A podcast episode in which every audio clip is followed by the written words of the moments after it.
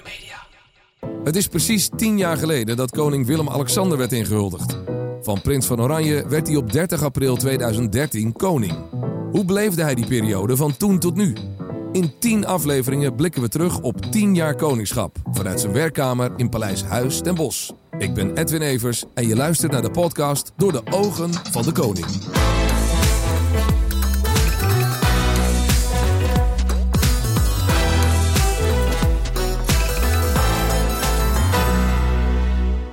Doet u nou eens de inleid? Doet u nou vandaag eens de Nee, inleiding? helemaal niet. Ik- ik. ik- Het zou toch leuk zijn als u het, eh, als u het een ik beetje ben overneemt? geen leidend voorwerp, ik ben meewerkend voorwerp. Leidend met een lange ei, maar anders niet. Nou, ik vind eh, de medewerking gaat wel fantastisch eh, tot op heden.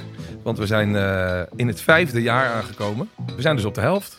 Gaan we het volmaken, denkt u? Ik ga het zeker volmaken. Ja? Ik vind het een mooi project. Een mooi Leuk project. om te doen. Leuk om te doen, ja. Ja? ja, we zijn aangekomen in eh, 2017. Het vijfde jaar van uw koningschap. En we gaan even luisteren naar wat eh, feitjes uit het jaar. In 2017 blaast de koning 50 kaarsjes uit en organiseert hij ter ere van dat jubileum een diner in het paleis op de Dam. Hij wordt geïnterviewd door Wilfried de Jong en beëdigt na de verkiezingen voor de eerste keer een nieuw kabinet. We houden als Nederland een paar mooie trofeeën omhoog. De Oranje Leeuwinnen worden Europees kampioen in eigen land. En Tom Dumoulin wint als eerste landgenoot de Giro d'Italia. In Las Vegas vindt een verschrikkelijke schietpartij plaats tijdens een countryfestival. En in Spanje strijden de Catalanen voor onafhankelijkheid. 2017 is ook het jaar van de lege schappen door de vernietiging van miljoenen eieren door het fipronil-schandaal. En we betalen met een nieuw 50-euro-biljet. Nou, best veel gebeurd in 2017. Ja, een, een vol jaar inderdaad. Mijn vijftigste verjaardag. Ja, het interview met Wilfried de Jong, dat was eh, anders dan dit. Echt een, eh, ja... Leuker? Nee, nee, nee, anders. Met name, ik, ik, eh, toen wilden ze ook eh, over het koningschap gaan praten. Zeg ik, ja, ik ben pas eh, nou ja, vier jaar koning, dat is mijn vijfde jaar. Ik heb niet zoveel te melden, maar ik wil wel over 50 jaar Willem-Alexander praten. Ja. Dus dat was echt een heel ander soort interview dan dit. Maar ja, en, en daarnaast natuurlijk ook een groot diner op Paleis de Dam... met allemaal mensen die ook op die dag jarig waren, uit verschillende jaargangen. En ja, een paar mooie persoonlijke momenten ook in dat jaar. U doet wel bij elk jubileum eten, hè? Nou ja, weet je wat leuk is van eten? Ja, maar dat weet ik wel, ja. Dan kan je mensen spreken. Ja, Als je niet met je mond vol praat ja. natuurlijk. En dat is ook een hele leuke manier, nu ook dit jaar bij 10 jaar koningschap, om eh, mensen die echt een tien verdienen uit te nodigen. Maar die, ja, die vaak heel goed werk doen, maar niet in het zonnetje gezet worden. Om ja, deze gelegenheid te gebruiken om die juist wel eens in het zonnetje te zetten. ja. Dus dat is wel mooi voor dit jaar. En dat was toen, eh, ja, ze hadden niet wat gedaan, maar ze waren toevallig dezelfde dag jarig.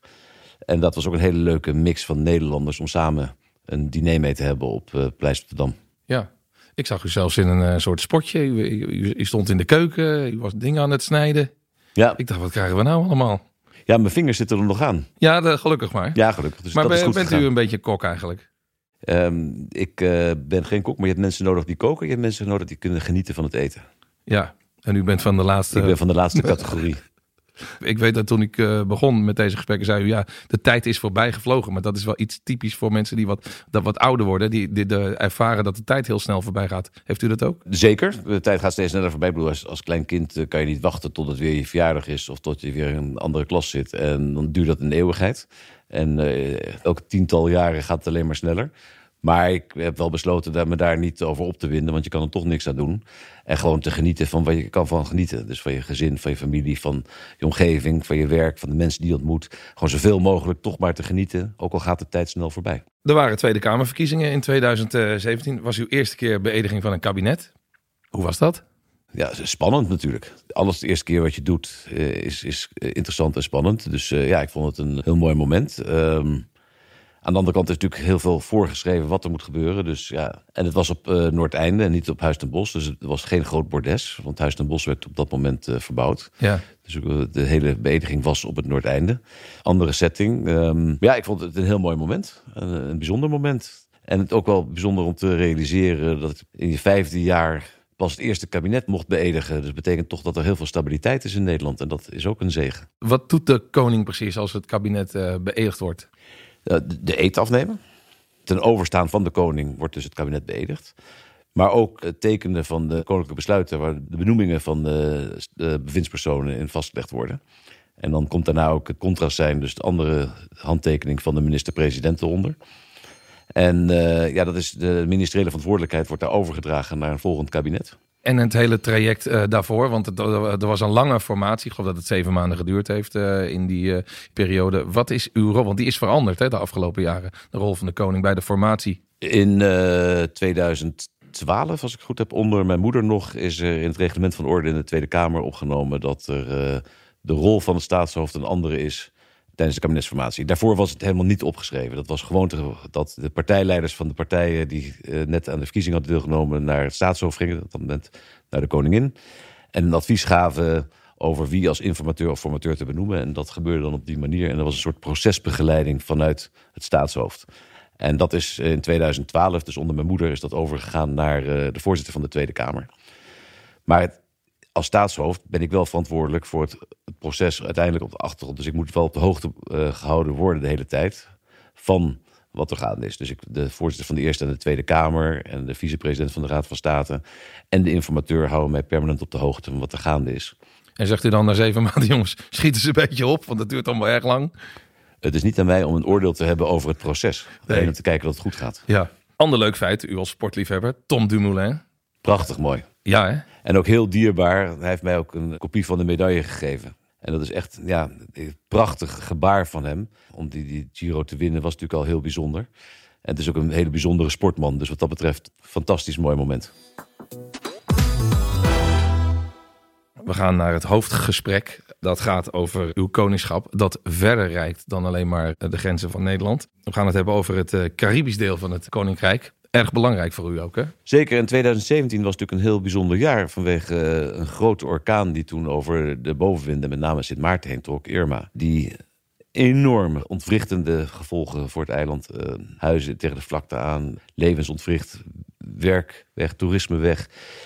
Alles was kapot, wat kapot kon gaan op het eiland. Totale ontreddering van de bewoners van Sint Maarten... En ook ontzettend dappere mensen, zowel op Sint Maarten zelf, maar ook als hulpverleners, uh, militairen, politie, Rode Kruis, alles die vanuit Nederland of andere delen van het Koninkrijk daar naartoe gegaan zijn. Die meteen de eerste hulp hebben kunnen verrichten en ook orde hebben kunnen houden op het eiland, uh, meteen na de storm.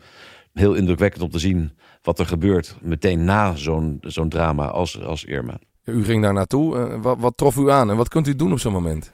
Nee, je merkt dat, dat juist op zo'n moment de banden binnen het koninkrijk heel belangrijk zijn. Dat ze um, heel veel waardering hebben voor het feit dat ze deel zijn van het koninkrijk van Nederland. Wel een land binnen het koninkrijk. En het feit dat ze daarop terug kunnen vallen, dat doet heel veel voor ze. Ze zijn ook trots op die band binnen het koninkrijk. Ze zijn dankbaar voor wat we daar gedaan hebben. En het feit dat ik daar was, betekent voor ze dat ze niet vergeten zijn. Ja. En dat merkte je heel erg, die dankbaarheid daarvoor. Voelt het dan voor u als daar zoiets gebeurt? Is dat dan, voelt dat voor u hetzelfde als dat er een overstroming in Limburg is? Ik ben koning van het hele koninkrijk der Nederlanden. En elk deel van het koninkrijk der Nederlanden is me even lief. Dus ja, dat antwoord daarop is volmondig ja. En dat heb ik ook nu weer gezien onlangs op onze reis daar. Hoe belangrijk het is om regelmatig ook als het staatshoofd van het koninkrijk... dus ook van Sint Maarten, Curaçao en Aruba aanwezig zijn. En natuurlijk ook de BES-eilanden die deel zijn van Nederland. Ja. Het is echt een, een, een volwaardig deel van ons koninkrijk. En zo willen ze ook gezien worden. Ze zijn, het, het mooie is natuurlijk, er zijn ontzettend veel verschillen tussen Europees Nederland, de BES-eilanden en de andere landen binnen het koninkrijk. Maar er is ontzettend veel wat ons verbindt. Dat is onze geschiedenis en ons, ons heden en ook onze toekomst. De mensen daar zijn trots op hun Nederlanderschap, zijn trots op het koninkrijk. Zijn ook dankbaar voor wat er gebeurd is. De hulp die ze gehad hebben na bijvoorbeeld Irma, maar ook uh, tijdens COVID. Uh, financiële ondersteuning, medische ondersteuning, op allerlei manieren heeft het koninkrijk echt goed gefunctioneerd. En het enige wat, je daar, wat de mensen daar willen, is gelijkwaardig en volwaardig uh, aangezien worden. Als gelijke deelnemers binnen het koninkrijk. Ze hebben vaak het gevoel dat er vanuit Europees Nederland wat op hun neer wordt gekeken. Dat ze worden gezien als een toeristeneiland, zon, zee, strand. Maar op dat eiland is veel meer. Daar, zijn, daar wonen mensen, met, met hun, ook met hun problemen. Maar ook met een eigen geschiedenis, met een prachtige cultuur. En, en, dat ze meer als gelijkwaardig aangezien worden. Dat zouden we echt moeten zien van nou, deze kant in Nederland. Hoe, hoe zou dat komen, dat ze dat zo voelen? De gedeeltelijk de geschiedenis en gedeeltelijk ook de manier waarop wij vanuit Nederland, denk ik, soms kijken naar dat ze niet een volwaardig deel zijn van het Koninkrijk. Dat ze misschien uh, het gevoel hebben dat wij denken dat ze misbruik maken van de positie. En dat is niet zo. Ja, natuurlijk, uh, het is een andere cultuur, het zijn andere mensen. Maar we zijn door de geschiedenis met elkaar verbonden. Het zijn fantastische delen van het koninkrijk die echt een, eigen positie uh, verdienen. En een gelijkwaardige positie verdienen binnen het koninkrijk. We kijken door de ogen van de koning natuurlijk, maar ook door de ogen van een uh, kind. Die hebben heel vaak betere vragen dan ik. Uh, in dit geval Muk. En Muk die snapt niet helemaal hoe dat zit met het Caribisch deel van het koninkrijk. Ik weet het zelf trouwens ook niet helemaal precies. Dus Muk, stel jij de vraag maar even. Hallo, hallo, doet hij het? Hallo koning, ik dacht dat u alleen koning was van Nederland. Maar u bent nog een veel grotere koning dan ik dacht. Waar is de koning eigenlijk allemaal koning van? Juist. Ja, Muk, het, het Koninkrijk Nederland gaat ongeveer van Nieuwe Schans tot uh, de vuurtoren op het westelijke punt van Aruba. En alles wat ertussenin zit. Nee, het, Koninkrijk Nederlanden zijn vier landen, waarvan er uh, drie landen volledig in het Caribisch gebied liggen. Dus Aruba, Curaçao en uh, Sint Maarten. En er liggen drie eilanden, Bonaire, Saba en Sint Eustatius, die onderdeel zijn van Nederland. Dat is heel moeilijk om uit te leggen, maar die, zijn, die liggen wel een paar duizend kilometer verderop. Maar het zijn gemeentes van Nederland. Dus dat in totaal zijn dat de vier uh, landen van het Koninkrijk. U was daar in 2017 toen de orkaan daar uh, huis gehouden had op een verschrikkelijke manier. Hoe is het daar nu? Het zijn zes eilanden en zijn alle zes totaal verschillend. Nou, even terug te gaan naar Sint Maarten, ja. waar Irma natuurlijk huis gehouden heeft. Uh, je ziet nog steeds uh, grote gaten, wonden als resultaat van Irma. Er is natuurlijk ook nog uh, twee jaar COVID overheen gekomen. Dus eilanden die afhankelijk zijn van toerisme zijn dubbel hard geraakt op zo'n moment. Dus voor de economie van kleine landen is dat desastreus. Dat gaat niet om tienden van procenten, maar om tientallen van procenten. Maar ja, zijn ontzettend uh, weerbarstig en hard. En uh, ze, ze, vechten echt weer terug, hè, die mensen daar. Ze, ze willen echt weer gewoon een mooi eiland van maken. En ook het toerisme terugkrijgen, de economie terugkrijgen. Ook diversificeren, kijken of ze op andere manieren geld kunnen verdienen. niet alleen afhankelijk zijn van, van toerisme. Dat gaat eigenlijk ook voor de andere eilanden en landen in het Caribisch deel van, van het Koninkrijk ieder op zijn eigen manier heeft natuurlijk wel een les geleerd van COVID. Dat ze niet al te afhankelijk moeten zijn van, van het toerisme. En dat ze ook op andere manieren uh, inkomen moeten genereren.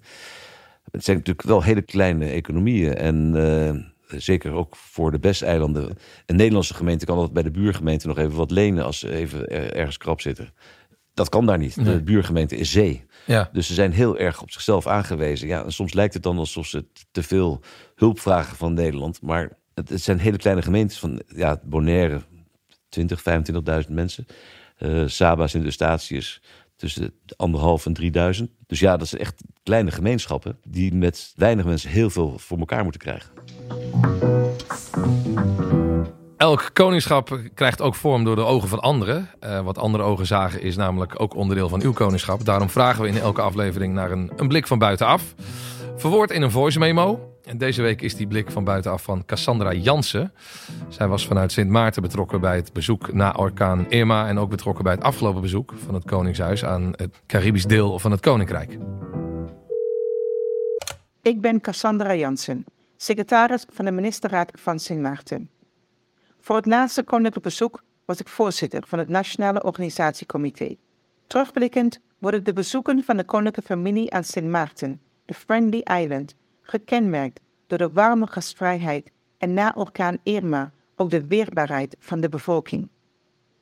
Even lijkt de koninklijke familie niet zo ver weg. Handjes worden geschud, foto's worden gemaakt en zelf selfies worden toegelaten. Even vergeet men de sociale economische en politieke uitdagingen en spanningen op lokaal niveau en binnen het koninkrijk.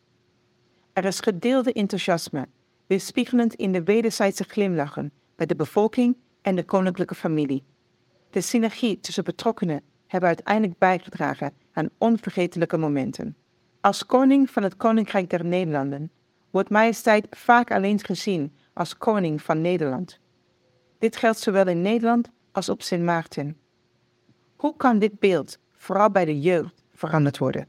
Ja, dat laatste is natuurlijk een hele goede vraag. Want ik, als ik op Sint Maarten ben, maar ook op Curaçao of Aruba, dan voel ik mij echt ook als een staatshoofd, als de koning uh, van die landen van het koninkrijk. En je kan natuurlijk niet elke dag aanwezig zijn. om dat beeld te veranderen, dat, dat is heel lastig. We worden natuurlijk door de geschiedenis wel gezien natuurlijk als de, Europeanen die daar terecht zijn gekomen. Dus, uh, maar ik, ik, ik, denk dat ook het beeld wat ik zelf heb als we daar aanwezig zijn op de eilanden, zoals de reis onlangs weer samen met onze dochter, dat iedereen echt wel voelt dat wij hun staatshoofd zijn even niet zo ver weg, zegt ze. Ze hebben dus blijkbaar het gevoel dat het een beetje ver van mijn bedshow is. Zeker de, de landen zoals Sint Maarten, Aruba en, en, Curaçao... met een eigen regering, een eigen eh, land zijn binnen het Koninkrijk. Ja, er zijn wel eens meningsverschillen tussen Den Haag en, en de verschillende hoofdsteden al daar. Die kunnen best wel eens hard aankomen. En misschien word ik op zo'n momenten gezien als een deel van het probleem in Nederland. Maar als ik op de eilanden zelf ben, is dat absoluut niet het geval we zijn goed op de hoogte van de problemen die er zijn. We horen ook echt, we spreken ook echt wel mensen die het er niet goed hebben. Het is niet alleen maar één groot uh, aaneenreiging van koningsdagen achter elkaar daar op de eilanden. Absoluut niet. Maar toch, ja, wij worden dan toch gezien als een van hen uh, die moeten helpen tegen het boze Den Haag, misschien zoals zij dat vanuit daar zien. Was dit uh, laatste bezoek, was dat bewust gepland na de excuses die gemaakt zijn door de regering met betrekking tot het koloniale verleden? Nee, dit bezoek was al uh, meer dan een jaar van tevoren gepland. Ja. We hebben ook al echt gekeken uh, naar wanneer Amalia het beste mee kon gaan. Dus het was echt al ruim daarvoor gepland. Okay. Maar natuurlijk heeft het excuus van de Nederlandse regering uitgesproken door minister-president Rutte op uh, ehm, 19 december wel een rol gespeeld tijdens het bezoek. Dat kan je ook niet los van elkaar zien. Het is daar veel over gegaan. Over het koloniale verleden, over het slavernijverleden, over de excuses, over het proces uh, van heling waar we nu in zitten. Ehm, zoals ook heel duidelijk is, zoals gezegd, het is een komma, geen punt. Het is een begin van een proces waar nog heel veel tijd overheen zal gaan, waar veel gesprek overheen zal gaan, waar veel emoties uh, een rol zullen spelen. Maar ik denk dat het wel heel belangrijk is om dus 2023 uh, herdenking uh, van de afschaffing van de slavernij, of voor sommige mensen de viering van de afschaffing van de slavernij, dat we daar echt samen door een proces gaan, wat nog jaren gaat duren, waardoor we ook de gevolgen van het koloniale verleden, van de slavernij, die vandaag de dag nog steeds te voelen zijn in racisme in onze samenleving, uh, dat we daar samen overheen kunnen gaan en dat we dat achter ons kunnen laten. Er werd overigens tijdens die reis ook natuurlijk nog gezegd: ja, waar, waarom biedt de koning niet zelf excuses aan? Waarom doet de regering dat? Waarom is dat? de koning is lid van de regering. Ja, maar de koning heeft de excuses niet zelf uitgesproken. Dat bedoelde ze, denk ik. Nee, maar de minister-president heeft ze namens de regering, namens Nederland uitgesproken. En um, dat is een bewuste keuze geweest vanuit het kabinet. Met ook de ministeriële verantwoordelijkheid voor de minister-president. Het is niet zo dat de koning dat nog eens een keer extra bekrachtigt door dat zelf te zeggen. Dat... Op dit moment is dat niet aan de orde. Nee. nee, nee. Ik vind het best altijd een moeilijk en uh, zwaar onderwerp. Dat is het ook. Dit ligt natuurlijk uh, gevoelig. Tenminste, ik voor mezelf, als ik denk, ja, ik praat daarover als, uh, als witte vijftiger, zeg maar. En dan, dan, dan vraag ik mezelf wel eens af, ja, mag ik er überhaupt wel wat over zeggen? Mag ik er wel wat van vinden? Want ik weet er feitelijk natuurlijk eigenlijk helemaal niks van. Hoeveel je er ook over leest, hoeveel je er ook in verdiept, hoeveel je er ook over ziet heb ik wel recht van spreken om daarover te praten. Ik vind het af en toe best wel een moeilijk onderwerp om over te praten. Het is een onderwerp dat u heel erg aan het hart gaat, hè? Hoe doet u dat? U praat er heel veel over met mensen. Nou, we hebben op een gegeven moment uh, de Gouden Koets gehad, die, uh, waar discussie over ontstond. Dat heeft niks met het slavernijverleden te maken. De Gouden Koets is van 1898, van na de slavernij. Maar wel heel duidelijk met het koloniale verleden van Nederland. En ook schilderijen op de koets, een van die zijpanelen, is ook een afbeelding van... Uh, het koloniale verleden van Nederland. Uh, de materialen waar de koets van gemaakt is, komt uit de voormalige koloniën van Nederland. Dat is echt, uh, destijds was men daar trots op. Amsterdam heeft dat als cadeau aan koningin Wilhelmina gegeven. Daar waren ze heel trots op op dat moment. En ik begrijp ook heel goed dat die koets negatieve gevoelens en emoties op kan roepen. En dat het een symbool is geworden van verdeling in plaats van samenbinding. En daarom heb ik ook besloten hem voorlopig niet meer te gebruiken. Naar aanleiding van uh, de Gouden Koets zijn we ook samen met, met mijn vrouw gesprekken begonnen met een heleboel mensen uit de samenleving die hier echt dagelijks bij betrokken zijn, met allerlei verschillende achtergronden. Die gesprekken doen mij heel goed. Zijn open, zijn eerlijk, zijn soms rauw, zijn uh, emotioneel. Maar geven wel een goed beeld van wat er leeft in verschillende groepen in de samenleving. En dat het niet echt iets is van een klein groepje mensen die verbitterd is. Het zit echt heel diep. En waarom zit het zo diep? Omdat de gevolgen vandaag de dag nog steeds voelbaar zijn. In racisme, in, in discriminatie in de samenleving. We hebben natuurlijk fantastische wetten, artikel 1 van de grondwet. Prachtig, eh, non-discriminatie artikel. Maar in de praktijk wordt nog wel gediscrimineerd. En omdat dat het geval is, speelt die geschiedenis nog steeds een grote rol. Ik heb ook in mijn kersttoespraak gezegd: ja, we, zijn, we zijn niet schuldig aan als de huidige bewoners hier in Nederland van wat er anderhalf eeuw geleden gebeurd is. Maar als we niet erkennen wat er gebeurd is, erkennen dat het een misdaad tegen de menselijkheid was, de slavernij, dan kunnen we ook nooit vooruitkomen. Alle uh, nazaten van tot slaafgemaakten moeten het gevoel hebben dat we echt niet alleen weten wat er gebeurd is, maar ook begrijpen wat hun overkomen is. Wat hun voorouders overkomen is. Dat zij ook helemaal geen geschiedenis hebben uh, voor 1863. Dat zij niet bestonden, die mensen. Dat ze gewoon dingen waren, uh, handelswaar, wat mishandeld en gestraft kon worden naar lieve lust. En ja, de, meest verschrikkelijke dingen, dat, dat, daar kan je tegenwoordig niet eens meer bij, dat dat toen normaal was. En gek genoeg, uh, het was verboden in Nederland, slavernij. Het mocht niet. Maar het mocht wel in onze koloniën. Hoe bizar is dat eigenlijk? Ja. Daarom ben ik ook echt mee begaan. En daarom wil ik ook heel graag weten welke rol mijn eigen familie gespeeld heeft. Zowel de stadhouders als de koningen na 1815. Want u laat daar een onderzoek naar doen. Wat was de aanleiding daarvoor? Ook deze gesprekken. Ook deze gesprekken. We zijn begonnen met een onderzoek laten doen naar de collectie, de Koninklijke Verzameling van, uh, van kunst en andere artikelen. Of daar foute spullen tussen zitten, die eventueel teruggegeven zouden kunnen worden. En daarna heb ik het onderzoek eigenlijk wel, ja, nieuw onderzoek aangevraagd, ook naar het, het verleden van de familie in koloniale tijd en de slavernij. Gewoon omdat ik echt ook gewoon schoon schip wil maken. Ik bedoel, ik weet zelf dat ik daar nergens schuldig aan ben. Maar ik heb natuurlijk wel een verantwoordelijkheid naar de Nederlandse maatschappij toe. Voor ook voor wat de voorouders gedaan hebben.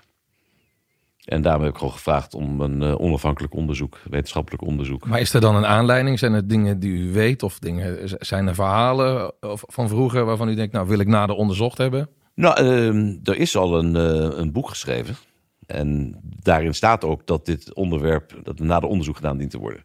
En eigenlijk op basis daarvan heb ik gewoon gevraagd, nou doe dat dan maar. Dus ook, dat boek is geschreven door professor Oost-Indië. En uh, ik heb hem gezegd, nou ja, je hebt zelf gezegd, uh, hier moet nader onderzoek naar gedaan worden. Doe het maar. Er werd ook gezegd, de koning doet dit om er straks voor te zorgen dat als Amalia koningin wordt, dat dit afgerond is. Dat hier duidelijkheid over is, om haar daar niet mee te belasten. We staan aan het begin van een helingsproces.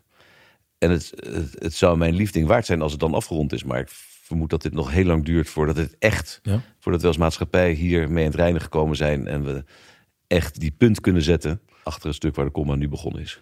Nog even terugkomend op die gesprekken, want u voert die gesprekken. U heeft dat tijdens uw uh, reis een paar weken geleden ook uh, gedaan. Wat, wat, want u zegt die gesprekken zijn af en toe rauw. Wat, wat zeggen die mensen tegen u? Ze kunnen alles tegen mij zeggen, omdat ze weten dat het ook niet naar buiten komt. Het, het zijn privégesprekken en die zijn erg belangrijk voor mij. En die hou ik ook liever gewoon privé. Op 1 juli uh, start het uh, herdenkingsjaar. Wat, wat wordt dat voor een jaar? En wat is uw rol in, in dat jaar? De, het, het, rare natuurlijk van 1 juli is... voor de ene is het een herdenking en Ja. voor de andere is een viering. Ja, En voor tot slaaf gemaakt in andere delen van de wereld... die hebben helemaal niks met 1 juli. nee. Eh, dus dat, dat, het wordt heel lastig om dat allemaal zo te kanaliseren... dat 1 juli inderdaad een, een, een begin wordt van een herdenkingsjaar... of een, of een viering waarop we dus dit proces gaan beginnen. En ja, ik hoop dat mijn aanwezigheid eh, daar een bijdrage aan levert. Maar ja, dat is niet de eerste keer. In 2013 ben ik ook aanwezig geweest bij Katie Coultry. Dus het is ook niet de eerste keer dat we daarmee bezighouden. Maar nu, naar aanleiding van het excuus uh, van de regering... heeft het wel een andere lading gekregen. We zijn wel uh, door 2017 uh, heen, denk ik. Ik wil u uh, bedanken en ik zie u heel graag in 2018. Ik zie er naar uit.